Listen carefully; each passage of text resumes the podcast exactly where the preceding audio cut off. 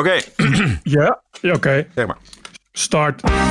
This is the TPO podcast. De nieuwe migratiecrisis heeft al veel weg van de oude. meteen weer helemaal die sfeer van de zomer van 2015. Toen hier aan al deze grenzen, hier ook in de Balkan, mensen zich verzamelden en erover eh, wilden. Amsterdams messenverbod in de maak, nu alweer doorgeprikt. mesvrije zones. Dat is natuurlijk heel grappig.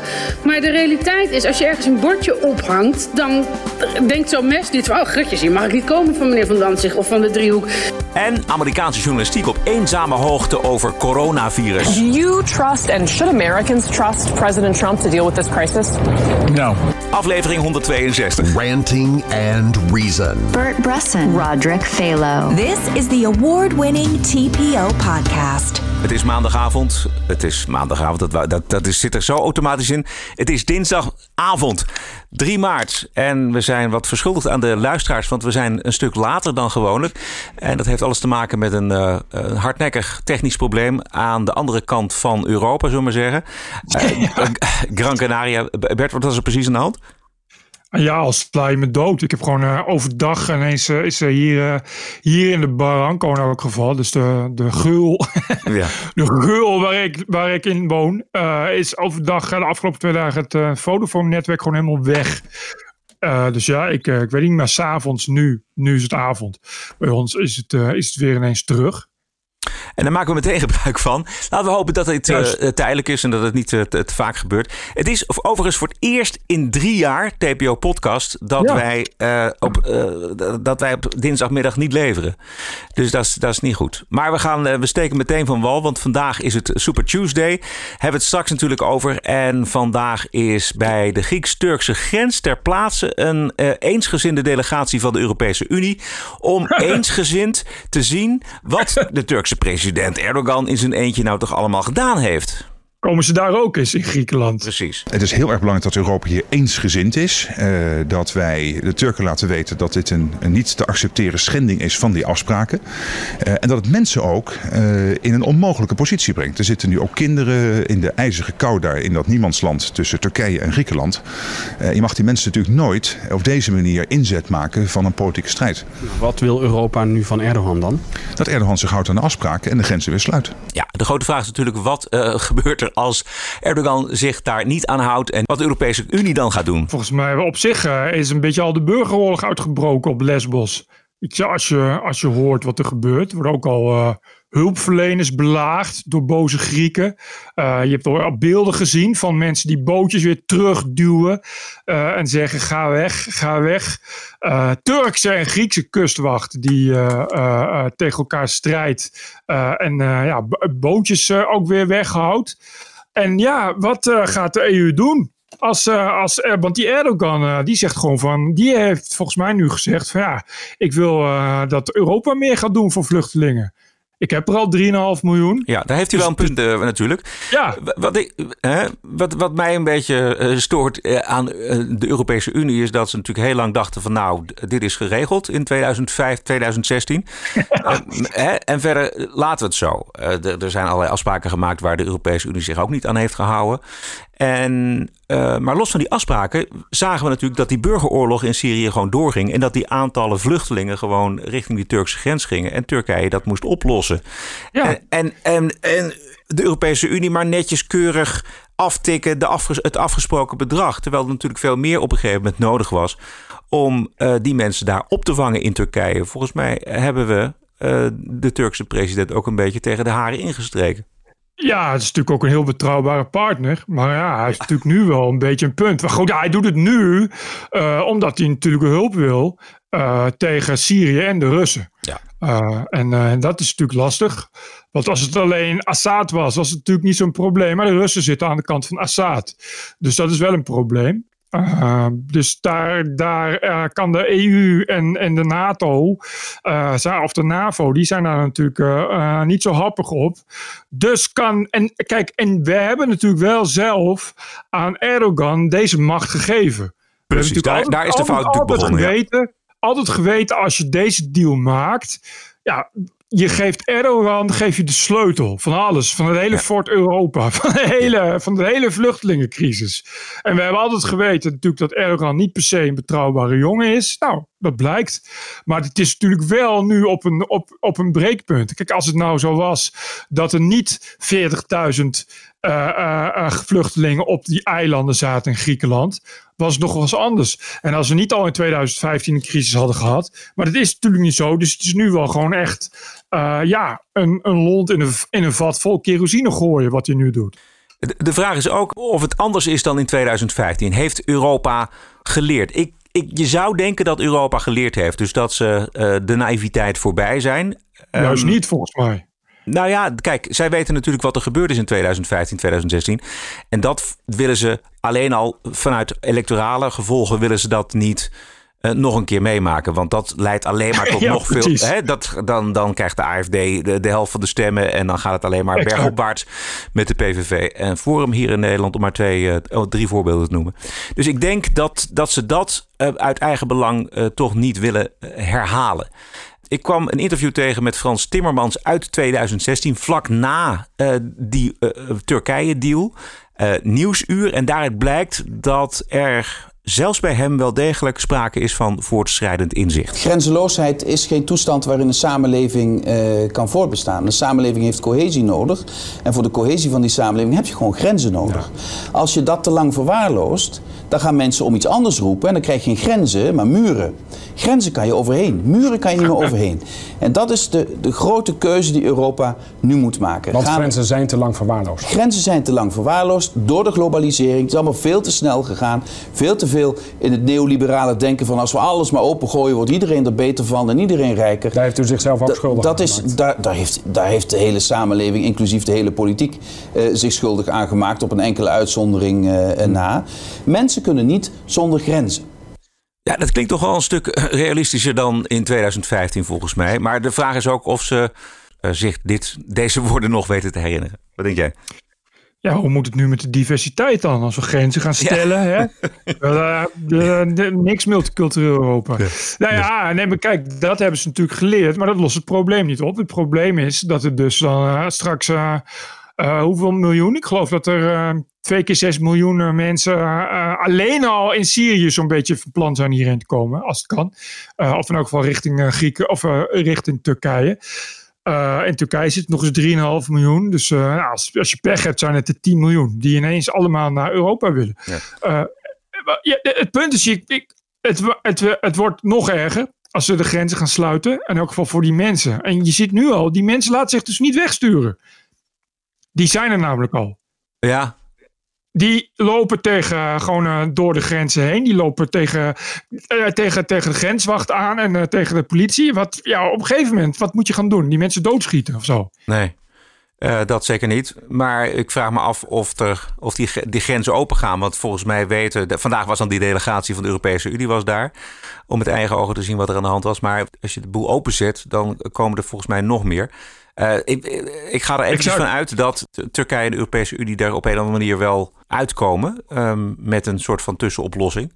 Nou ja, ik, uh, dat, en, maar dat is dus het probleem. Je kan die mensen niet zomaar allemaal ineens binnenlaten. Nee. Griekenland dus niet, want Griekenland staat al op barsten. En dat is het grote probleem. Dat is echt, het, maar zitten dus muurvast ook. Dus, dus en, uh, en, en, dat, en ik vind dat dat uh, zo'n sentiment, als zeggen ja, maar we moeten ze allemaal binnenlaten, want het is zielig, is heel erg gevaarlijk. Ja, volgens mij is dat, dat sentiment is dankzij 2015.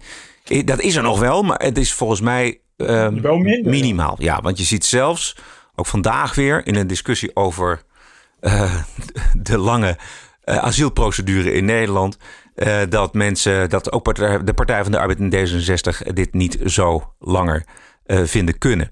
He, want mocht Nederland nieuwe asielzoekers gaan opnemen, dan gaat dat extra miljoenen kosten vanwege die trage afhandeling van asielzoekers bij de uh, IND. Ja. Het waren al 70 miljoen euro. Ja, nu, nu, nu al. Nu, het, het, kost een miljoen euro per week volgens mij. Wordt er uitgekeerd aan dwangsommen. En uh, daar is de Nederlandse staat toe verplicht. Dat heeft uh, onze volksvertegenwoordiging helemaal zelf geregeld in die asielwet. En vandaag was er dus een debat in de Tweede Kamer met de staatssecretaris van deze zaken. En dat is mevrouw Broekers-Knol. Laten we nog even luisteren hoe daadkrachtig zij spreekt. Überhaupt komen er veel meer veilige landers naar Nederland dan een aantal jaar geleden. Dat is gewoon zo. Dat is niet alleen Marokkanen. Er zijn veel meer mensen uit veilige landen die naar Nederland komen om hier asiel te vragen. En daarom is juist dat more for more en less for less zo van belang. Daarvoor moeten we inzetten op terugkeer en dat is kabinetsbreed wordt daarop ingezet. Dit is alweer van uh, een tijdje, een paar weken geleden, maar uh, daar gaat niets van komen. Volgens mij is al het vertrouwen in deze staatssecretaris weg. Ja, die, dat, dat vertrouwen was al weg toen ze aantrad zo'n beetje. Dus uh, wederom de juiste VVD op de juiste VVD-plek. Ja. Maar ik, nogmaals, als ze, kijk, als ze niet uitkomen met Turkije, dan is het probleem van veilige landen een, een, een niemendalletje geworden. Uh, want ik, ik, ik, ik hou echt mijn hart vast voor wat er gaat gebeuren. Uh, uh, die, de, de grenzen zijn niet dicht te houden, namelijk. Weet je, dat, is, dat gebeurde toen ook. En zolang als Erdogan uh, blijft vinden en blijft, de asielzoekers blijft doorsturen, dan is het een, een probleem wat zich niet laat oplossen. Daar is gewoon helemaal, helemaal, helemaal niets van geleerd. En dan zit je over, over een paar jaar met nog veel meer veilige landers. Want die zitten daar natuurlijk massaal tussen. Die, en nee, dat, is, dat ben ik met je eens. Dat, die veilige landers, dat is inderdaad een, een, een subhoofdstuk. Uh, het belangrijkste verhaal is inderdaad nu die grote stroom uh, mensen die voor uh, de hekken bij Griekenland staan of op bootjes wachten om overgebracht te worden naar die Griekse eilanden. Maar Griekenland kan het al niet aan. Dat zit helemaal vol, die, uh, die uh, opvangkampen voor migranten. Dus dit, dit, kunnen ze er niet bij. De, op een of andere manier, het enige wat nog de, de, de, ellende uh, een beetje um, op afstand houdt, dat is, ja, het klinkt hard, maar dat is dan toch de, dat hek en die grenzen.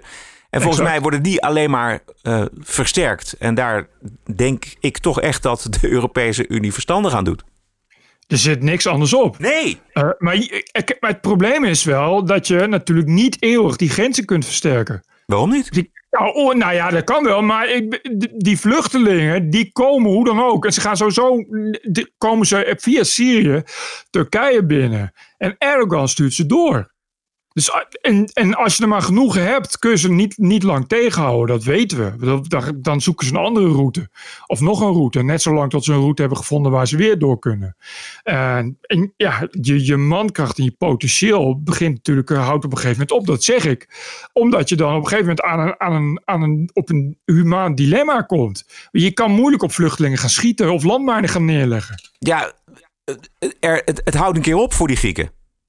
Nou, niet alleen voor de Grieken. Als ze de Balkan doorgaan, die Balkanlanden, ja. die, die, we hadden de vorige keer ook al geen zin. Nee. Uh, denk maar niet dat Hongarije nog aardig blijft voor vluchtelingen aan de grens straks. Nee. Uh, dat geldt voor, geldt voor alle Balkanlanden. Oostenrijk, Koerts zegt nu al, ik ga mijn grenzen dichtgooien. So you name it. Ja. Weet je, en, en en, en dat is leuk en aardig door te denken dat je die mensen tegenhoudt. Maar ze zijn er dus al. En ze zijn dus ook al in Turkije. Weet je, het, het, e, wat enige oplossing die er is, is als niet Turkije inkomen. Als bij in, in Syrië, in de regio daar, uh, uh, in Turkije uh, worden opgevangen. In, in, in Syrië zelf. You name it. En dat op het dat moment dat ze Turkije ja. in zijn, zijn ze Europa in. Weet je, op het moment dat je de Bosporus oversteekt, ben je Europa in. Weet je, en, en, en ja. En wat gaat er gebeuren als, als Erdogan uh, dan ook maar besluit om de 3,5 miljoen vluchtelingen die er al zijn, om ook die mensen in te fluisteren, gaan we naar Europa, want ze, daar hebben ze de grenzen open. Ja. Weet je, wat als die 3,5 miljoen mensen tegelijk komen? Wat ga, je, wat ga je doen dan? Het is hetzelfde probleem als Trump heeft in Amerika. Dan moet je muren gaan bouwen. Maar ja, muren helpen ook niet. Weet je, Nou ja. als het dus, dus hond, nou ja, het helpt wel, maar het is niet dat er, dat er, dat er eh, ondanks het strenge beleid eh, de afgelopen tig jaar niet miljoenen illegale Mexicanen het land zijn binnengekomen. Nee, het, het wordt wel geprobeerd natuurlijk, maar ik denk dat het, misschien is wel het grootste verschil dat uh, uh, Merkel. Uh, laten we hopen dat ze de mond houdt en niet nog een keer gaat roepen Ja, van precies. weer schaffen das. Dat is dus, dat dus is de dus uitnodiging, de uitnodiging moet er niet zijn. Ja, maar dat Maar- is dus het probleem van dat sentiment. wat je, wat je dus op Twitter ziet en wat je dat soort organisaties als Vluchtelingenwerk en noem wat, tig van die NGO's de hele tijd roepen. Van het zijn allemaal mensen en er bestaan geen grenzen. Ze mogen allemaal hierheen Precies, komen. ja, die krijgen ook nog Dat plek is op de, op, op de tafels van de, de late night talkshows hier in Nederland natuurlijk. Mhm. Eh, laten we even naar Amsterdam gaan. Het messen- en uh, taserprobleem in eh, Amsterdam onder Amsterdamse jongeren. Afgelopen week stond de rauwe werkelijkheid opeens op de stoep van het Vossius, het keurige Vossius Gymnasium in Amsterdam-Zuid. Nou, het begon allemaal bij de Albert Heijn. Toen was er een gedoe met in de rij, werd er geduwd en zo. Ehm, en toen later zijn de jongens hier naar school gekomen om verhaal te halen. Nou ja, toen is het enorm uit de hand gelopen. Ook jij wil niet herkenbaar in beeld. Eh, waarom is dat?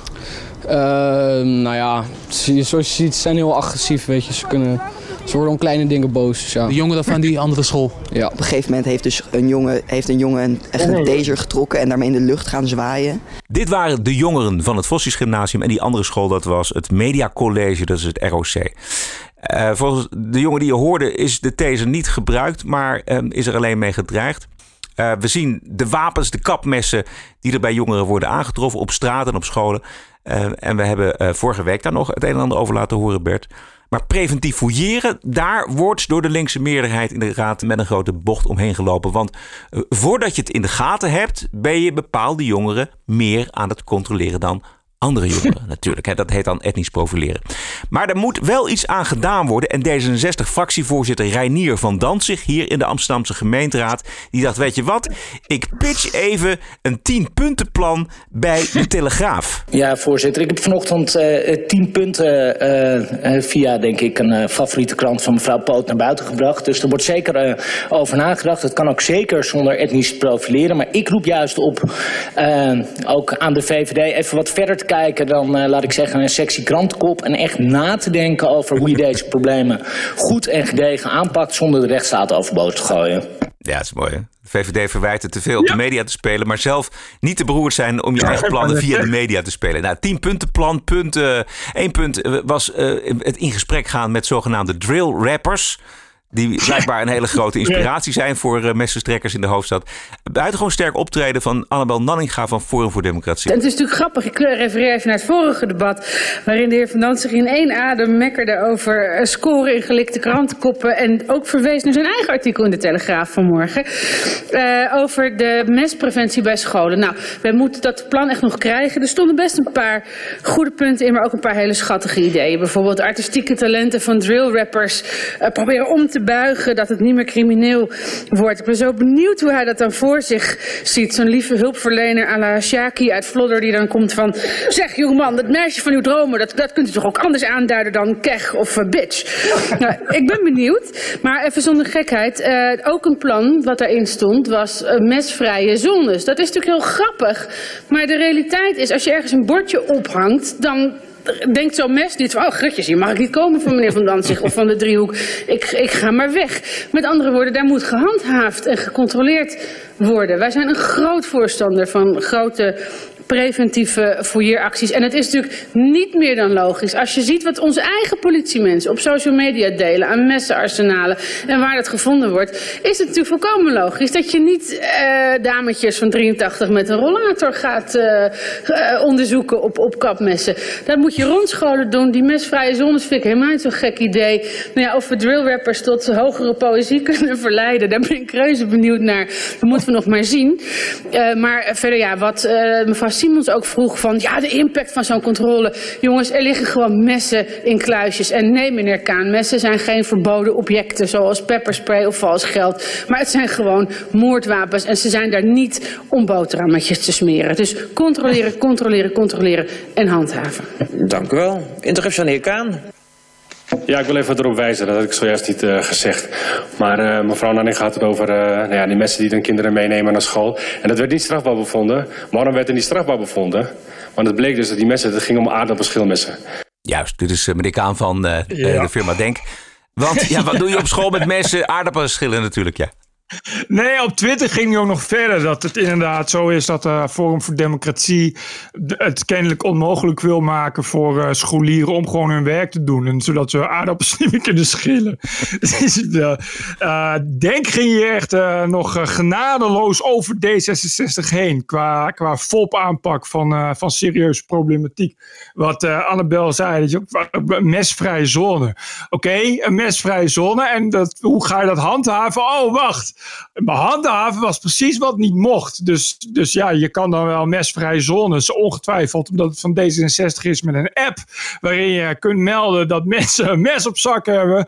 Maar als het niet mag worden gehandhaafd en gefouilleerd, heb je daar niet zo heel veel aan. En het komt uiteindelijk allemaal neer daarop dat er gewoon gehandhaafd moet worden. Maar ja, het is uh, in een stad waar echt hoop overal om je heen is, is het gewoon nog steeds niet zo heel erg de bedoeling dat de problemen worden opgelost door handhaven. Want dat is gewoon zo niet Amsterdams. En daar heeft de burgemeester moeite mee. En hoop is overal om ons heen aanwezig. Je kunt eindeloos verboden invoeren. Maar als je ze niet wenst te handhaven, dan gaat het allemaal niet lukken. Aanwezig was ook hoofdcommissaris van politie Pauw. En hij had bij AT5, hebben wij laten horen, op televisie opgeroepen om na te denken om preventief fouilleren opnieuw toe te staan. Want uh, zo gaat het niet langer, zei hij. Nou, dat had hij niet mogen doen, D66. Als ik u zo hoor, dan is mijn indruk dat het wellicht verstandiger was geweest... eerst dat preventief fouilleren 2.0 uit te werken in een goed doorvrochte plan... en met de gemeenteraad eh, te bespreken. Uh, en het niet te pitchen bij AT5. Als u nu nou terugkijkt, bent u dat met mij eens? Nee, dat ben ik niet met u eens. Ik bedoel, we zijn hier wel degelijk. Ik ben een professional. Uh, ik bedrijf geen politiek. Als er aan mij gevraagd gesteld, een vraag gesteld wordt over een situatie waar ik op dit ogenblik iedere dag instap. En waar mijn dienders instappen. Ja, dan moet u mij maar uh, toe, uh, toestaan dat ik niet ieder gesprek en iedere opvatting die ik als professional hier is ga voorleggen. Ja, ja. die Pauw die komt uit uh, Rotterdam. Uh, Rotterdam, overigens, waar ze wel nu aan het handhaven zijn. Want daar hebben ze dus en een burgemeester en partijen die, uh, die het toe doen. En die daar een stuk realistischer in staan. Uh, en die Paul, die weet af en toe niet wat hij meemaakt. Je hoort hem soms ook bijna zuchten. en ja, hij blijft professioneel. Ja. maar ja, je, je hoort hem denken van, tja, Weet je, waarom vraag je mij als agent überhaupt dan iets? Je, ja. ik, want je kan als politie, kun je dus alleen maar bepaalde dingen doen. Maar als je die niet mag, ja, dan houdt het gewoon een beetje op. Ik zag uh, Pauw bij die uh, gemeenteraadsvergadering. En hij was zo voorzichtig. Hij, was, hij liep ja. op, op zijn ja. tenen echt. Ongelooflijk. Want naast ja. hem zat natuurlijk Halsema. En ze hadden dat natuurlijk allemaal keurig afgetikt. En Halsema die had waarschijnlijk tegen hem gezegd... je begint niet over preventief fouilleren, fouilleren want dat wil ik niet. Uh, dus hij was, hij was een beetje poeslief. Nou, daar refereerde de fractievoorzitter van D66 ook nog aan... dat hij, dat hij het zo fijn vond, uh, de houding van deze hoofdcommissaris in Amsterdam. Maar toen moest het er toch echt eventjes uit... dat Pauw dan niet bij AT5 moest gaan zitten en um, roepen dat uh, het water tot de lippen was gestegen. Want dat is volgens mij aan de hand. Die dienders in Amsterdam die zijn het echt helemaal zat en die weten dat ze met of zonder preventief fouilleren dat ze er niet komen. Dus er zit heel veel frustratie bij de politie. En, er zit, en de afstand tot uh, de, de, de linkse gemeenteraad en het linkse gemeentebestuur is enorm. Als je het hoort, de, die, die, die Femke Roosma van GroenLinks, die dan gewoon zegt van ja, als we gaan preventief fouilleren, dan zetten we de rechtsstaat buiten boord. Ja. Weet je, dus dan weet je al dat je, dat je daar nog met geen moker en een gasbrande oorlog doorheen komt. Nee, dat zegt D66 zelf, trouwens ook, hè? Die, die roepen het, dat ja, steeds voortdurend. Wat echt, terwijl, weet je, het is gewoon een, een normaal middel. Het is niet dat er meteen mensen tegen de muur worden gezet en doodgeschoten. Weet je, je kan dat gewoon uh, uh, in bepaalde gebieden en in bepaalde wijken op bepaalde momenten kun je dat gewoon doen. Dat is vrij normaal, dat gebeurt wel vaker. Dat gebeurt bijvoorbeeld ook als je een vliegtuig instapt. Ik, ik noem maar wat, hè. Ik, ik noem maar een dwars. En dat gebeurt ook als je een disco binnengaat, want dan ga je een poortje door. Ja. En, weet je, het is een soort doorgeslagen... Uh, ja, bijna een soort, soort, soort, nog een soort wakkerend jaren zeventig waakvlammetje. Van dat we dat toch vooral niet moeten willen met z'n allen, want dan krijgen we een, een, eh, eh, een, een dictatoriale overheid. Terwijl, Jesus Christ, je kan daar toch af en toe eens over je eigen schaduw heen springen. En daar uitzonderingen in maken, zoals ze dus bijvoorbeeld in Rotterdam doen. En diezelfde Roosma, die wil ook nog eens dat je het geen preventief fouilleren 2.0 noemt. Want dat vindt ze ook kwetsend. Want dan gaan we er alweer vanuit dat het toch preventief fouilleren is. Terwijl dat nog helemaal niet duidelijk is. Dus of we dat woord voortaan ook niet meer willen uitspreken. Nou ja, ik, uh, ik herhaal helemaal niemand die ik goed ken. Maar je zit toch af en toe naar een openluchtgesticht te kijken. Als je naar uh, die raadsvergaderingen via de livestream meekijkt. En dan begrijp je wel hoe uh, die politie, die dus niet in de gemeenteraad zit en geen politici zijn. Ja, die moeten af en toe volgens mij toch wel op een heel dik en hard houtje bijten om er nog een beetje, beetje zeg maar, bij elkaar te houden. En dan begrijp ik wel dat zo'n Pauw, ik denk dat hij als hij thuis komt gewoon wel een boksbal heeft te hangen. Dat hij dan nog even, even los kan, zeg maar, op alles wat hij niet kwijt kon, dat hij dat toch nog even lekker zo kan laten gaan. Ja, wat D66 mogelijk ook lastig vindt, is dat politieagenten pitchen hoe het echte leven van de dienders is in de straten van de stad van Hoop. Uit uh, de laatste politiecijfers blijkt dat het geweld tegen agenten in de stad van Hoop het afgelopen jaar met 30% is gestegen. AT5 sprak uitgebreid met de 27-jarige agenten Leandra. Kort fragment. Lagen we dus eigenlijk nou hier verderop op de grond met uh, ongeveer 20 man om ons heen. En tijdens de situatie zelf um, kwam de eerdere verdachte weer terug. En die um, sprong ook bovenop ons. Dus uiteindelijk ben ik met die verdachte naar deze kant gegaan. En zijn er ongeveer zes man met mij meegegaan van die groep. En die bleven om mij heen en die bleven, bleven het moeilijk maken. Dus het was een hele bedreigende situatie. Ja, ja, zeker weten. Ja. Het was heel bedreigend. Want ook als je op de grond komt bij een uh, geweldsincident, helemaal in de drukte van het uitgaansleven, dan is het heel lastig om weer, uh, om sowieso voor jezelf, je moet om je eigen veiligheid denken. Maar je bent ook bezig met aanhouden, dus je hebt eigenlijk een taak, een focus. Maar doordat er gewoon zoveel mensen op je afkomen en die het bemoeilijken en die uh, aan je trekken, je weet niet zo goed wat er gebeurt, je wacht op collega's die je hebt geroepen, is het gewoon heel erg lastig om je echt te focussen op die aanhouding. En uh, ja, je bent eigenlijk gewoon bang voor je eigen veiligheid op dat moment. TPO Podcast. Gisteravond. jingle. Oh, sorry. Gisteravond toch weer een uh, geweldig werk van Siebe Sietsma en zijn collega's bij Nieuwsuur. Uh, die hebben uh, gezocht en gewopt en uh, gevonden uitkeringsfraude met de ziektewet. Misbruik van de Nederlandse verzorgingsstaat door arbeidsmigranten en werkgevers. Um, het is eigenlijk met geen pen te beschrijven, Bert. Uh, daarom laten we het even een heel kort stukje horen. Een administratiekantoortje valt op door hulp bij mogelijke fraude met WW-uitkeringen door Poolse arbeidsmigranten. De eigenaar van het kantoortje is een Poolse vrouw. Uit onderzoek blijkt dat ze zelf een uitkering ontvangt voor langdurige ziekte. Ondertussen verblijft ze in Polen en zorgt voor haar zieke vader. Ook haar zoon ontvangt een uitkering voor langdurige ziekte. Van hem blijkt dat hij in Polen een autobedrijf heeft en in Nederland ook een administratiekantoortje is gestart. Tunissen ziet dat sommige uitzendbureaus juist misbruik maken van de ziektewet om van werknemers af te komen. Dat heeft meestal te maken dat er uh, geen werk is en dan wordt er dan door het uitzendbureau geadviseerd tussen aanhalingstekens. Van joh, je kan beter de ziektewet ingaan, want we zijn wel redelijk tevreden over jou. En dan mag je ook terug naar het land van herkomst. En dan zorgen wij wel dat het allemaal in orde gaat komen. Dit, dit, ja, dit is, uh, ja. ja we, ik, heb ben, ik heb bananen, die kwamen uit de Republiek. Die heb ik in mijn oren geduwd. Ik kon het niet meer aan. Maar goed, ik wist toch al wat, er, uh, wat ze gingen zeggen. Ik bedoel, het verbaast me helemaal niet. Helemaal niet. Het is, bedoel, je kon er gewoon op wachten. Gewoon. Ja, je ziet het bij de veilige landers. Je ziet het bij het terugstuurbeleid van uh, dit kabinet. Je ziet het nu ook weer bij het eindeloos vertrouwen wat ze hebben in het goed gebruik van de Nederlandse verzorgingsstaat. En ondertussen lekt er, over, lekken er overal miljoenen gemeenschapsgeld. Het is onvoorstelbaar ja. dat anno 2020 wij een regering hebben die zo onwaarschijnlijk naïef in het leven staat. Nou ja, naïef die gewoon niks doet, niks voor elkaar krijgt. Maar, en, en het erge is dat het UWV wist dus iedereen dat het door en door verrot is. En dan denk je, nou, dan gaat er iets veranderen. Maar tegelijkertijd denk je, ja, het zal wel niks veranderen, want Nederland. Ja, is, dat, dat, dat is dan dus zo. En dat is elke keer zo. Maar de Belastingdienst toch weer net zo van de week. Ja. Zo weer, eh, eh, eh, wat, wat, wat was het, aanmaningen die terug betaald moesten worden. Ook niet geheime zwarte, geheime zwarte lijsten. Gewoon tegen de wet. En dan stel nou hè, dat je je bent een winkelier en je woont in Ter elke dag wordt je winkel leeggestolen door veilige landes. En dan zeg je, ja, ik, kunnen jullie daar niks aan doen? Zeg nee, ja, sorry. Veilige landes, die kunnen we niet uitzetten. En dan word je ziek, hè. En dan krijg je geen uitkering, want je bent ondernemer. En dan, terwijl je weet dat dan die pol die je in dienst hebt gehad, die stopte na drie maanden. En die zit nu nog in Polen met een ziekteuitkering. Want dat ging in één moeite door, omdat er niemand was bij, bij, uh, uh, bij de uitkeringsinstantie die dit controleerde. Aan alle kanten wordt die verzorgingsstaat genaaid.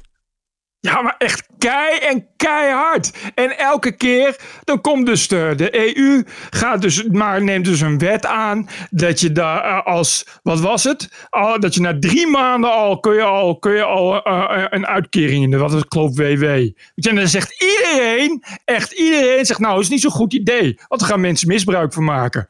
Wordt aangenomen die wet. En dan, en wat gebeurt er?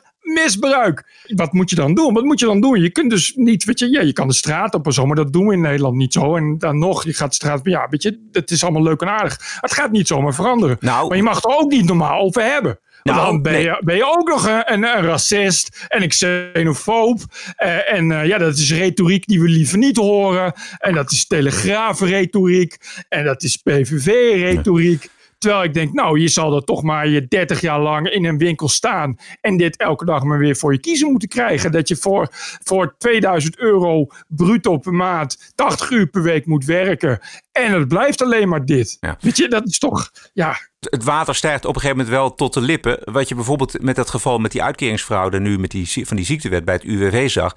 Dat het UWV naar buiten, die kan het op een gegeven moment niet meer. Uh, die kan dat niet meer verbergen. Dus die zeggen, ja, het gaat maar om een beperkte groep mensen. Maar op de, opgeteld gaat het, gaat het toch nog steeds voor miljoenen euro's aan uitkeringen ten onrechte naar uh, Polen bijvoorbeeld. Maar, en werkgevers zijn goedkoop uit en houden uh, ook nog eens een deel van de uitkering in, heb ik begrepen uit de reportage van Nieuwsuur. Maar ja, ja, dus de UWV dempt het allemaal, maar ambtenaren die worden daar helemaal gek van. En die lekken dus naar Nieuwsuur. Exact. Want die, die trekken dat niet meer. Maar wat moet je anders dan? Nee, dat is ja, uitstekend dat dat, dat dat gebeurt. Ik denk, als je dit soort dingen leest, zoals bij de Belastingdienst, dan denk ik, nou, dat kan niet anders dan dat er nu crisisberaad is. En dat dan twee uur later Rutte naar buiten stapt en die zegt: We gaan vandaag nog sturen we de Rijksrecherche uh, en, en, en, en, en een twintigkoppige commissie naar de Belastingdienst om de boel over te nemen. We gaan alles omkeren. We gaan uh, waarderen en doneren, Bert.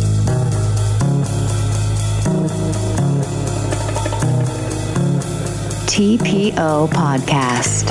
En we beginnen met een update van de TPO Podcast Quiz. Vrijdag 13 maart aanstaande in Amsterdam. Jeroen en Maarten, de mannen die dit organiseren, die melden ons dat we zo goed als vol zitten. Er zijn nog 10 plaatsen. Wie het eerst komt, wie het eerst maalt. Aanmelden met je team kan nog uh, via het e-mailadres tpopubquiz.gmail.com. En quiz schrijf je Q-U-I-Z. Als er nog plek is, krijg je een mail terug met het adres en hoe je kunt betalen. 25 euro per persoon. En dat geld is bestemd voor uh, je favoriete podcast en de kosten van de gezellige avond. Ik, ik zou er wel zorgen dat je erbij bent. Omdat het, uh, ja, het, raakt, het raakt uitverkocht. Het zijn nog heel weinig plaatsen. Dus het is een hele mooie, volle zaak. En dat is natuurlijk geweldig om dat mee te maken. Iets wat, wat al helemaal uitverkocht is. Om daar als eerste bij te zijn. Want over tien jaar kijk je weer daarop terug. Zeg, zeg oh goh, ik was daar voor de eerste keer bij toen ze net begonnen. Ja, ik was bij de eerste. Ik was bij de eerste. Uh, en um, ja, je, ja, het is natuurlijk, natuurlijk gewoon uh, geweldig om daar uh, met gelijkgestemden daar, daar bier mee te drinken, zou ja, ik zeggen. Ja. tbopubquiz.gmail.com, daar kun je je aanmelden. Bert, hadden wij nog leuke reacties of minder leuke reacties ja. op de uitzending van vorige week? Ja, Sinds afgelopen. Be, goedemiddag, Bert en Roderick. Sinds afgelopen zomer heb ik jullie podcast ontdekt. Mijn naam is Jacob Velbrief, 21, 41 jaar jong uit Hilversum. Jullie podcast is elke week een verademing en ik kijk er dan ook enorm naar uit. Uh, ik ga even wat overslaan, want wordt het te lang. Jullie podcast vind ik een enorme aanwinst. De manier waarop jullie zaken belichten vanuit verschillende aspecten vind ik enorm goed. Ik zou willen dat alle nieuwsmedia dit zo zouden doen en vooral de NOS. Qua mening sta ik over het algemeen het meest aan de zijde van Roderick. Oh ja, jongen! Mooi. Alhoewel ik de kennis en de manier van redeneren van Bert IJzersterk vind. Ik heb 20 euro gedoneerd. Ik wilde dat wel eerder doen, maar dan had ik even geen geld. Ga zo door, liefst zo lang mogelijk. Veel succes voor de toekomst. Jacco Velbrief, mijn naam noemen, waardeer ik. Bij deze Jacco Velbrief, we hebben je naam genoemd en bedankt voor de 20 euro. Jacco, dankjewel jongen. Eh, ah, Jenny Krielaert. Fun fact, komende dinsdag luister ik het. Nou, ik zou het niet, nou, ik weet niet, nou goed. Ik weet niet of het nog, of het nog dinsdag wordt, hoe dan ook. Ik luister de TPO podcast dinsdag van Gran Canaria. Nou, gezellig. Jenny, heb jij eh, de, de Vodafone zendmast gesloopt toevallig? Dan eh, gaan we weer repareren. Dank alvast weer, groet Jenny. Nou, het is een mooi eiland, Gran Canaria, en het is weer mooi weer. Ik kan het iedereen aanraden om een keer op vakantie te gaan. Tot er corona is, maar dat is toch niet zo. We zijn nog steeds coronavrij, geloof ik. Eh, oh, weer een update uit Hongkong. Dat is eh, Tom Gerritsen. Die woont in Hongkong en stuurde ons laatste update. Hij was naar Nederland geweest en ik weet niet. eh, ja, hij is nu weer terug. Ik ben weer terug in Hongkong. Hier gaat alles weer een beetje back to normal. Kantoren gaan weer open en ook de overheid begint weer een beetje te werken, maar de scholen zijn nog dicht. Overheid heeft een enorm steunpakket aangekondigd, waardoor de economie een boost krijgt. Want na de, na de, en de protesten en het coronavirus kan Hongkong dat goed gebruiken. Eh, alle permanente residents van 18 jaar en ouder krijgen allemaal 1115 euro. Nou, dat is wel aardig van de overheid. Eh, ik heb foto's gemaakt, die zullen we op de website zetten, op uh, tpopodcast.nl. Dat is wel leuk. Uh, het, is, uh, ik, het was, ik was in Central Hongkong. Dat is op zaterdagmiddag normaal gesproken. Kun je dan over de hoofden lopen. Nu leek het wel zondagochtend 8 uur. Uh, hier gaan we langzaam weer een beetje terug naar het normale leven. Alhoewel de meeste mensen nog wel een mondkapje dragen. Oké, okay, maar dat vind ik, dat vind ik wel uh, nieuws eigenlijk. Dat het, dat het inmiddels een beetje begint te, te settelen. Dat, dat mensen in Hongkong weer teruggaan naar het normale leven. Ondanks de mondkapjes. Ja. Want in, in hoe heet dat? Huan, toch? In, in Huan, of Wuhan, hoe heet ja. de stad waar het begon, is, ja. is uh, de virus ook op zijn hoogtepunt. Dus uh, mede dankzij het, het, optreden van de overheid uh, is dat virus er wel goed ingedampt. En dan begint het langzaamaan weer een beetje, ja, dus kunnen mensen weer terug het leven in. Uh, anyway, ik wens jullie veel sterkte in Nederland en de Canarische eilanden. Nou, het is niet zo erg als in Hongkong. We hebben dan wel geen. Ik heb hier dan wel niet altijd het Vodafone-netwerk. Maar ik hoef ook niet, uh, ook niet uh, bang te zijn voor. voor en voor, voor een repressieve overheid. En voor protesten en het coronavirus. Ik heb een TPO Plus abonnement genomen om TPO Podcast te steunen. Ik wil graag bij de pubquiz aanwezig zijn. Maar dat gaat helaas niet lukken, want ik zit in Hongkong. Bedankt, Tom Gerritsen. En blijf nog sturen. Ik ga uh, Tom en, en alle luisteren. Ik zal de, deze mail, inclusief de foto's, dus op tpopodcast.nl zetten. Heb ik ook weer eens wat om daar op te zetten. Okay. En dan kunnen mensen dat teruglezen en zien. En de laatste is van Thijs van den Broek. Thijs van den Broek is al een jaar een vaste luisteraar. Uh, en vindt onze podcast informatief en vermakelijk. Dat klopt. Helaas kan ik door mijn financiële situatie, al, financiële situatie als student geen donatie doen. Maar ik heb nu een betaalde stage in Wenen gevonden. En daarom wil ik jullie bij deze steunen met mijn eerste donatie. Vanuit Oostenrijk zal ik jullie podcast iedere week met veel plezier luisteren. Geweldig. Hartelijk dank, Thijs ja. van den Broek. Precies. Thijs van den Broek uit Oostenrijk, Wenen. En in Oostenrijk, nou ja, laat even weten als daar de grenzen dicht gaan. Dan uh, ja, precies. weten wij het als eerste. Veel plezier ook en succes, Thijs van den Broek. Mag worden vermeld in de podcast. Dat hebben we gedaan, Thijs van den Broek. Bij deze. Wilt u ook ondersteuner worden van de TPO-podcast? Dat kan dan met ideeën of suggesties. Mailen kan naar info.tpo.nl. Commentaar mag daar ook heen. En een financiële ondersteuning stellen wij op hoge prijs. Waarderen en doneren. Het hoeft niet, maar we vinden het hartstikke leuk als het gebeurt. Uh, tpo.nl slash podcast. This is us. This is our country. This is CNN Breaking News. I believe that the president is literally an existential threat. Stop the hammering out there. Who's got a hammer? Make America great again. New York Times and CNN have also smeared veterans like myself. This video was taken during a heated exchange with an unidentified man who called Cuomo Fredo. Stop the hammering. This is the TPO podcast. News 630 WMAL, Washington. Vandaag is het Super Tuesday, de belangrijkste verkiezingsdag in de primaries, de voorverkiezingen van de Democratische Partij. In 14 staten wordt er gestemd. Goed voor een derde van de gedelegeerden. En die moeten namelijk bepalen wie het gaat opnemen tegen Donald Trump. Er zitten uh, grote staten tussen, zoals California en Texas. Zaterdag had Joe Biden een goede dag in South Carolina. Biden doet weer mee. Wie wordt, denk jij, uh, Bert, de winnaar van Super Tuesday? Wie maakt de meeste kans? Ik, uh, ja, ik denk uh, toch dat uh, in elk geval uh, Sanders heel hoog gooit. Ja, Sanders. Maar ik, en, en Biden toch ook. Maar ik snap niet. Ik zag gisteren op, op Geen Stijl een paar filmpjes. Maar die man lijkt wel seniel. Ik nou, begrijp niet is, wat de ja. populariteit is van die, van die vent. Ik, weet, ik begrijp het ook niet zo goed. Hij, was, hij had nog niet één staat gewonnen en voor South Carolina. En dat lukte hem wel. Ik weet ook niet hoe hem dat gelukt is.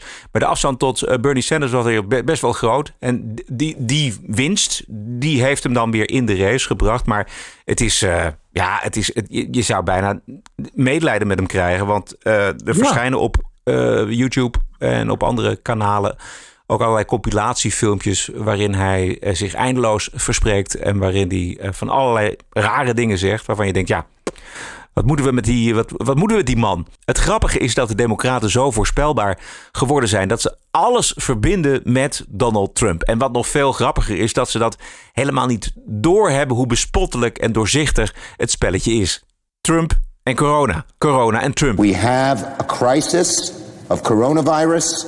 And President Trump has no plan. This is an administration that does not believe in science. Look, the president we know is not a scientist, and that's a nice way to put it. He doesn't even believe in science. The experts are not allowed to speak. The president has silenced them. Dr. Fauci. I'm not being muzzled. I was cleared here, and here I am talking to you, and I'll give you the whole truth the way I always have. I've been talking about this for a while. They haven't. They don't even have a test kit. Well, we've already tested over 3,600 people here in the United States. I'm not sure what he meant when he said there's no lab kit. Do you trust and should Americans trust President Trump to deal with this crisis? No. Ja, dit is dus een leading question. Hè? Democratische kandidaat Michael Bloomberg wordt gevraagd: Heeft u vertrouwen? Komma, zouden de Amerikanen vertrouwen moeten hebben in de president als het gaat om deze coronacrisis? Wat denk je wat, wat hij zegt? Um... maar dit is toch niet te geloven, Bert? Ja, ja, ik. ik... Dit is, dan, dit is het niveau van de, van de Amerikaanse journalistiek. Dit, is... dit bedoel ik. Ja. ik. Ik vind het, het is gewoon, het is gewoon zo erg. Dat, en dat is, vind ik dan ook. Ik denk van ja, weet je, het, het is, het, dat hele land is inmiddels erg. Dus, uh, dus, dus eigenlijk niet zo gek dat dan Biden uh, misschien wel uh, kandidaat wordt. Of een socialist als Sanders. Weet je? Ja, we, we, hebben ook geen, ze hebben daar ook geen normale, normale nieuwszender meer. Het, het, nee. het, wordt, het, wordt, gewoon, gewoon, het wordt gewoon steeds, steeds hysterischer ook. En dan gaan we naar de bonus quote. TPO Podcast. Ja, Trump was dus op dat jaarlijkse CPAC. Dat zijn uh, zeg maar de conservatieven onder elkaar. En Trump die sprak daar deels via de autocue. Maar de beste stukken zijn als hij gaat improviseren. Dan wordt die autocue wordt even stopgezet. En dan gaat hij gewoon uit de losse pols praten. Onverslaanbaar. I don't like to be repetitive. like Sleepy Joe, where he says the same thing four different times. Well, he's got a bad habit. Ladies and gentlemen of Ohio, it's great to be with you. Joe, Joe, you're in Iowa. That was seven times he's done that. I haven't done it once. And if I did, you know what I'd do? I'd walk off the stage because there's nothing you can do to come back from that. You can be, you can be Winston Churchill. He was a great, great speaker. But it is true. He's a, a lot of times he blows it with the, you know, you could. I don't do it. Fortunately, I don't need it yet. Hopefully, maybe someday I will. But you know what you can do? You write down the name of the state that you're speaking in, and you put it up there. And whenever you're going to say the word, you look down. I'm in Florida today, folks. I'm in Maryland. I'm in Virginia. I'm in Iowa. So they corrected him the one time he said, Iowa. And then they said, no, no, Idaho. and he said, I th- didn't I say that? No, he didn't say that. He thought they were the same. Over Joe Biden dus. Wauw. Ja, dit is zo goed, jongen. Dit is, Damn, die gast, die kan het. Die kan gewoon eh, een carrière nog als stand-up comedian beginnen. ja, ja, ja. Wauw. Nou ja, en dan moet je het dus als democraat, als Joe Biden, moet je het daar dus tegen gaan opnemen. Ja. Maar dit is hartstikke Nee, moeilijk. Dat, dat is... eh, Onmogelijk.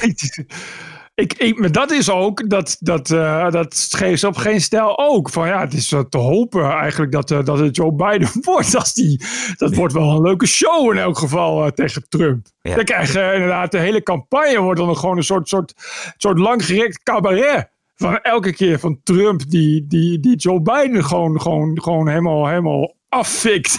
Nou ja, wat je ook ziet aan die Joe Biden is dat hij eigenlijk niet meer normaal kan praten. Hè? Die, die, die heeft Ja. een aantal van die, van die statements in zijn hoofd. En dat, dat, poept hij er steeds uit. Als die camera begint te lopen, dan komt het er automatisch. Het meer een soort van praatpop geworden die ingestudeerde zinnetjes eh, produceert. Daarom gaat het ook zo vaak goed, omdat het, nou ja, dat moet je ook wel, die woorden moet je allemaal wel in de goede volgorde eh, hebben en houden. Maar zo'n Trump, ja, die is natuurlijk die is niet sterk als hij, als hij van die statements gaat lezen van de auditje of van papier. Maar als hij gewoon vrij is en gewoon gaat praten, dan is hij onverslaanbaar. Dan is hij zo goed. En dan, Nou, is, hij, dan is het inderdaad wat jij zegt, is het gewoon een, echt een entertainer. En is het een stand-up comedian. Als je dit op je bord krijgt, ben je weg. Ja. Dit is, dit is echt wegvagen in de hoogste klasse. Ja. Weet je, dat kunnen, dus, dat kunnen normaal gesproken alleen cabaretiers en de president van Amerika. Ja. Ik zie nu, eh, dat is een persbericht, het is verder normaal eigenlijk reclame, maar dat Joe Biden is eh, de grootste favoriet bij de bookmakers. Dus eh, om op te wedden. Dus, dus, dus hoe dan ook, Joe Biden gaat nog een eind komen. Ja, precies. precies. Overigens, na Super Tuesday zijn we er nog niet, want het is pas een derde. En we hebben nog natuurlijk al een paar staten gehad. Dus nou ja, we zullen nog niet op de helft zijn. Maar ehm, het zijn wel Ja, grote staten. Het zijn wel belangrijke en- staten. En dan komen ook nog super, super delegates, komen ook nog. Ja. Eh, en die gaan, denk ik, eh Sanders eh, kapot maken. Ja. Want kijk, die democraten en vooral dus die superdelegates, wat volgens mij, dat zijn oud-presidenten en, en bekende politici en dat soort lui. Ehm, die willen allemaal, het allerlaatste wat ze willen is, is, is Sanders, hoe raar dat ook klinkt. Omdat dat dus een socialist is. Ja. Die eh, eigenlijk een soort socialistische versie van Trump, zou ik maar zeggen. Eh, en dat, dat, dat sinds echt totaal niet. Eh, dus dat kan nog wel een spektakel worden. Dus hoe hoog Sanders ook komt, dat, die kan nog wel eens een harde klap krijgen. En dan blijven we misschien uiteindelijk toch over met Biden. Ja. ja. Ehm, eh, ik denk ook wel eens stiekem van nou, het maakt me eigenlijk niet uit, want Trump gaat het toch wel winnen. Daar ga ik sowieso vanuit. Dit is echt, Trump gaat het volgens mij echt moeiteloos winnen. Zelfs met Sanders, omdat Sanders dus Sanders is. En Trump daar natuurlijk echt met gemak tegenin kan. Dat is natuurlijk ook weer het voordeel van iemand als, als Bernie Sanders. Wat natuurlijk een socialist is. Eh, we zijn nog steeds bij Trump eh, op de CPAC. Zullen we nog eentje doen, Bert? Nou, please. Hoe de man zijn verhalen vertelt en de timing subliem. There was a time I used to come to CPAC. It didn't have this kind of energy. Number one, you didn't have the president. you know, I was only going to do this for Matt once. I said, Look, I'm president. I can't go to CPAC, right, Matt? I said, I can't do it. So I did it. We had a great time. Next day calls, Can you do it again next year? I said, Yeah, I guess. this is like my fourth time or something, right? Or more. Or more. And I'll be here next year, okay? Why not? Dit is toch ongelooflijk goed. Geweldig, hè? Dit is zo goed verteld. Ja, Dit is ook een, een man die weet hoe het een publiek moet behagen. man. Dit is een man die je meeneemt en die je niet meer loslaat. Ja, ja. Het grote geheim van Trump. Dit is iemand die begrijpt dat, dat, dat politics in de, in de 21ste eeuw is, is met mensen zijn en mensen meenemen. Precies. En, en beloftes doen en je aan de beloftes houden zo goed als het ja. gaat. Als het even kan, wat heel gek is voor een politicus, Ja. dat is ook zoiets. Precies, dat, zijn we helemaal niet gewend hier, ook in Europa niet meer. Nee, dat is, het is eh, ja, niks. Beloftes een eh, beetje kabbelen en doorgaan. Ja. En doorgaan en doorgaan en niks doen. En dan nog niet weten wat de populariteit van Trump is. Dat is dit. Exact. Dit is, je moet, moet dit soort fragmenten luisteren en dan snap je het. Weet je, ik, ik- en dat is iets ja, wat die elite maar ook niet wil begrijpen. En niet, niet wil inzien. En daar, en daar eh, niet, mee, niet mee in overeenstemming kan komen. Precies. Het is heel raar. Dat is, dat is heel raar, maar het gaat gewoon niet gebeuren. Die, die snappen het gewoon niet. Crisis op crisis op crisis in Europa, in Nederland ook. En dan, en dan hebben wij een, een, een broekersknol hebben wij dan. Die dan zegt, die voor de duizendste keer zegt, ja, we zijn het kabinet breed eens en we komen Ja, met een nota. Iemand die verder van, van, de, van, eh, van de realiteit en, en het volk en de samenleving staat, kun je je niet voorstellen. Wij gaan eh, de renent aan breien. Tot zover aflevering 162. Eh, commentaar mag naar info.tpo.nl. Financiële ondersteuning wordt zeer gewaardeerd. Wilt u doneren, dan eh, mag u gaan naar tpo.nl slash podcast. Wij zijn terug dinsdag 10 maart. Nou, dat hoop je. Ja, dat hopen we. Ja, precies. Hoop dat het netwerk bij, bij Bert een beetje op orde is. Heb een mooie week. hè. Tot dinsdag. Ja, tot, eh, nou, tot de volgende keer dan maar. Als je niks van me hoort, dan eh, weet je dat eh Vodafone-netwerk down is. Geweldig dat het nu goed gaat. TPO Podcast. Bert Bruson, Roderick Balo. Ranting and Reason. Dag Thierry. Hi. Hoe is het? Ja, goed. Welkom. Wat zit je hier mooi? Iets te drinken? Heel graag Thierry. En wij krijgen, en ik ook persoonlijk, krijg natuurlijk heel vaak het verwijt... waarom staan er zo weinig vrouwen in quote? Wat is er mis? En dan zeg ik, ja, we zoeken ze, maar ze zijn er niet. Maar we hebben toch één sector gevonden waar ze het goed in doen. Podcasting is the TPO podcast in the Netherlands. Bert and Roderick. What a show. I'm telling you.